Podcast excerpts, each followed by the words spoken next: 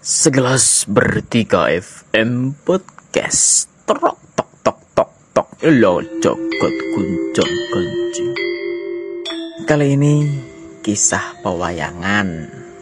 Wayang Empat tokoh wayang Bucin demi ayang Yang pertama ada Abimanyu Melakukan sumpah palsu demi ayang Abimanyu adalah putra dari Arjuna yang memiliki istri bernama Siti Sundari. Dalam situasi yang telah memiliki istri, Abimanyu jatuh cinta pada Dewi Utari, putri dari Prabu Maswapati atau lebih dikenal dengan nama Prabu Durgandana. Kadang bucin dengan Dewi Utari dan ingin memilikinya, Abimanyu nekat melamar Dewi Utari dan mengaku jika dirinya masih perjaka. Awalnya Dewi Utari nggak percaya, lalu Abimanyu melakukan sumpah dan berujar, Dewi Utari, saya masih berjaga. Jika tidak percaya, saya berani mati ditusuk seribu pisau, kata Abimanyu. Percaya dengan sumpah Abimanyu, Dewi Utari pun bersedia dinikahi. Celakanya saat Dewi Utari hamil terjadi perang Batara Yudha. Uh, dan Abimanyu meninggal di medan perang dengan seribu tusukan pedang sama persis seperti sumpah yang pernah diucapkannya dahulu ketika meminang Dewi Utari. Belajar dari Abimanyu, cinta dengan ayang boleh, tapi nggak perlu sampai berbohong dan membuat sumpah palsu demi mendapatkan ayang. Lagi pula cinta tak harus memiliki. Lanjut, Ekalaya bertarung sampai mati demi ayang. Ekalaya atau lebih dikenal dengan nama Palgunadi dalam kisah Mahabharata adalah Raja Paranggelung. Istrinya sangat cantik bernama Dewi Anggraini. Suatu ketika Arjuna menggoda Dewi Anggraini, namun Dewi Anggraini tidak mau dan mengadukan perbuatan Arjuna kepada suaminya yaitu Ekalaya. Namanya juga suami yang bucin kepada istri, ayang semata wayangnya Ekalaya tentu saja marah mendengar perbuatan Arjuna. Gak pakai pikir panjang, Ekalaya bertempur dengan Arjuna demi menjaga harga diri istrinya. Sayangnya dalam pertempuran tersebut Ekalaya kalah dan meninggal.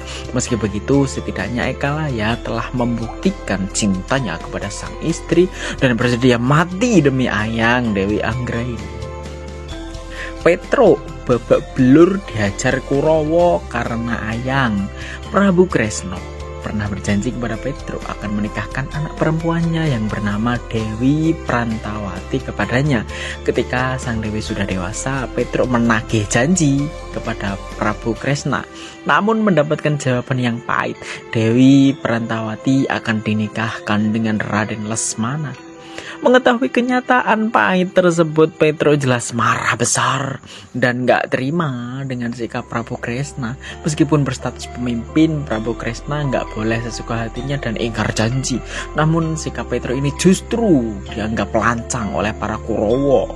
Petro dianggap gak mematuhi pimpinan. Akhirnya Petro dihajar oleh Kurawa dan melarikan diri ke hutan Wanapringga. Di sini ia bertemu dengan Gandarwa Raja Swala yang kemudian membantu mengubah wujud Petro menjadi kesatria Bambang Sukma Ngalemboro. Dengan tampang yang gagah, Bambang Sukma mendekati Dewi Prantawati dan berhasil membuatnya jatuh cinta. Di sisi lain, Kurawa tahu kalau Bambang Sukma sejatinya adalah Petro yang buruk. Petro yang buruk rupa. Para Kurawa kemudian menghajar Petro. Pertempuran sengit terjadi antara Kurawa dan Bambang Sukma. Dalam pertemuan tersebut, Bambang Sukma yang ganteng berubah jadi wujud Petro lagi. Kurawa kemudian memperlihatkannya kepada Dewi Prantawati. Namun, bukannya pergi meninggalkan Petro, Dewi Prantawati justru tetap bersama Petro. Dewi Prantawati nggak mandang fisik. Beliau kemudian memilih Petro dan menolak Raden Lesmana. Bapak belur dihajar Kurawa nggak masalah asalkan Petro bisa bersama Ayang Dewi Prantawati.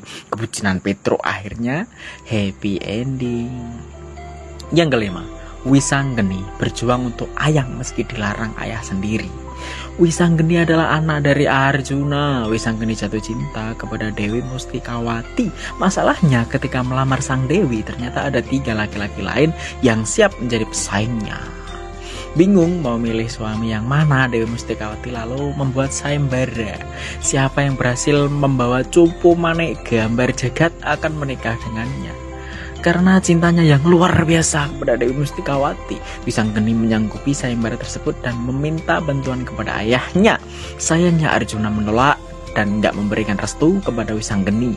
Kadung cinta, Wisanggeni tetap ingin menikahi Mustikawati meskipun tanpa restu bapaknya. Akhirnya terjadilah pertarungan antara anak dan bapak. Perkelahian perkelahian tersebut kemudian berhasil dilerai Prabu Kresna. Kasihan dengan Wisanggeni, Prabu Kresna membantunya mendapatkan cupu manik gambar jagat yang kemudian diserahkan Wisanggeni kepada Dewi Mustikawati sebagai simbol rasa cintanya yang dalam. Oh banget kisah Wisanggeni. Nah itu cerita empat tokoh wayang yang bucin demi ayang. Ada yang babak belur, ada yang mati demi ayang. Demikian podcast segelas bertiga FM kali ini. Trok tok tok tok tok jagat guncak guncing segelas bertiga FM podcast. Terima kasih sudah mendengarkan. Sampai jumpa di podcast selanjutnya